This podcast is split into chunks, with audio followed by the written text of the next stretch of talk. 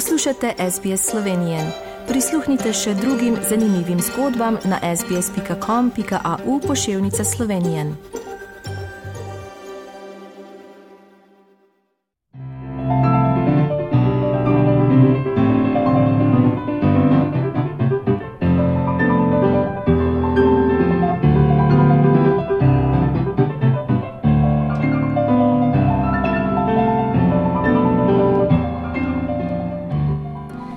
Drage poslušalke, spoštovani poslušalci, poslušate slovensko oddajo na radiju SBS.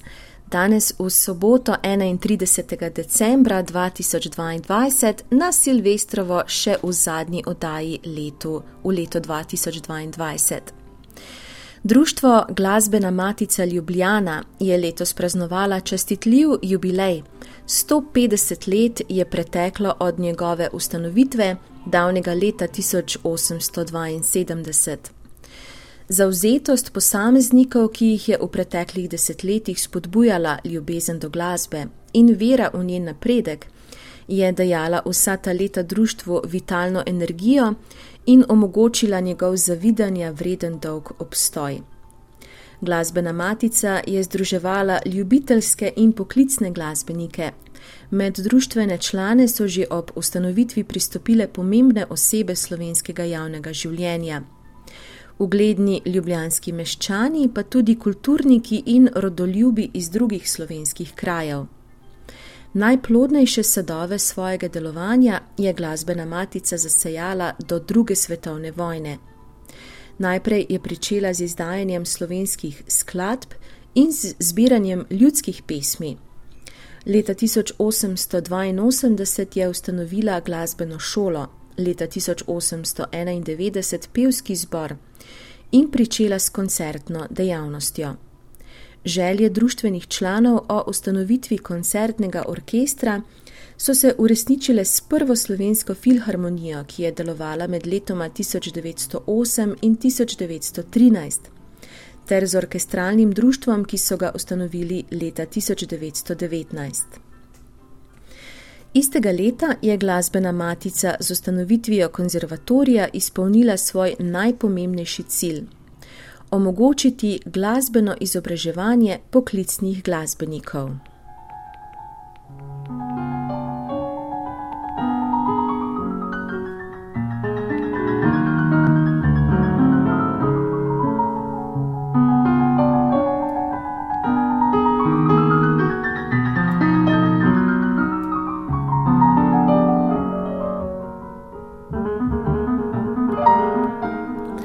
Med obema vojnama se je zbor glasbene matice dokazoval tudi izven meja slovenskega ozemlja z odmevnimi nastopi na turnejah po nekdanji Jugoslaviji, tedajni Češko-Slovaški, Polski, Franciji in Švici ter Bolgariji.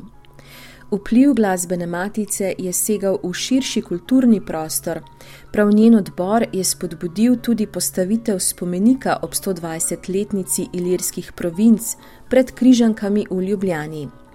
Zasnoval ga je arhitekt Jože Plečnik, prav tako kot alejo skladateljev na Vegovi ob 60-letnici društva leta 1932.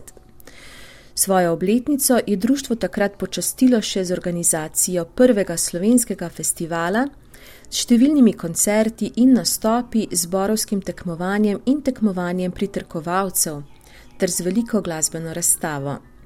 Leta 1937 je glasbena matica financirala tudi ureditev skupnega groba slovenskih skladateljev na ljubljanskih žalah. Leta 1934 so ustanovili folklorni inštitut, ki ga je vodil France Marold.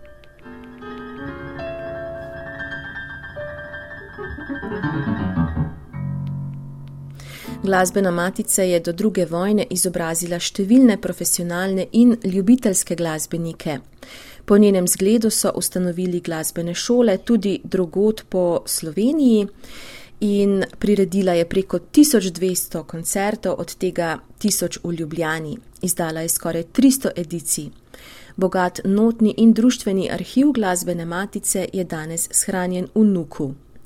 Glasbena matica je ustanovila tudi svoje podružnice po več slovenskih mestih, med katerimi je še vedno aktivna glasbena matica Trst.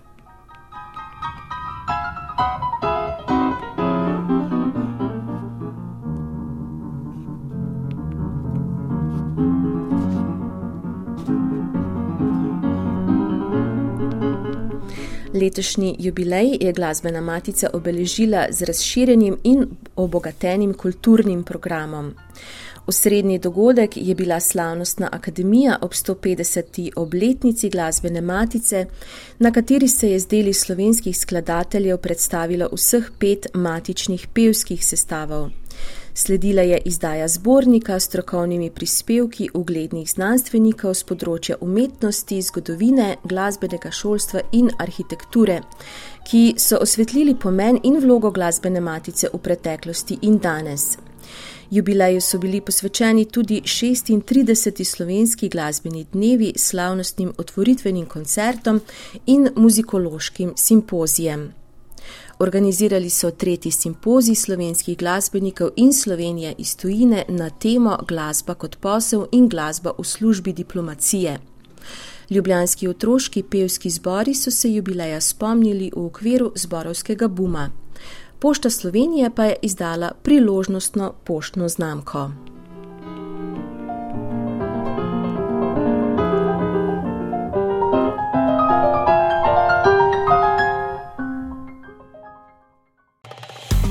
Želite slišati sorodne zgodbe? Prisluhnite jim preko Apple ali Google podcasta, preko aplikacije Spotify ali kjerkoli drugje.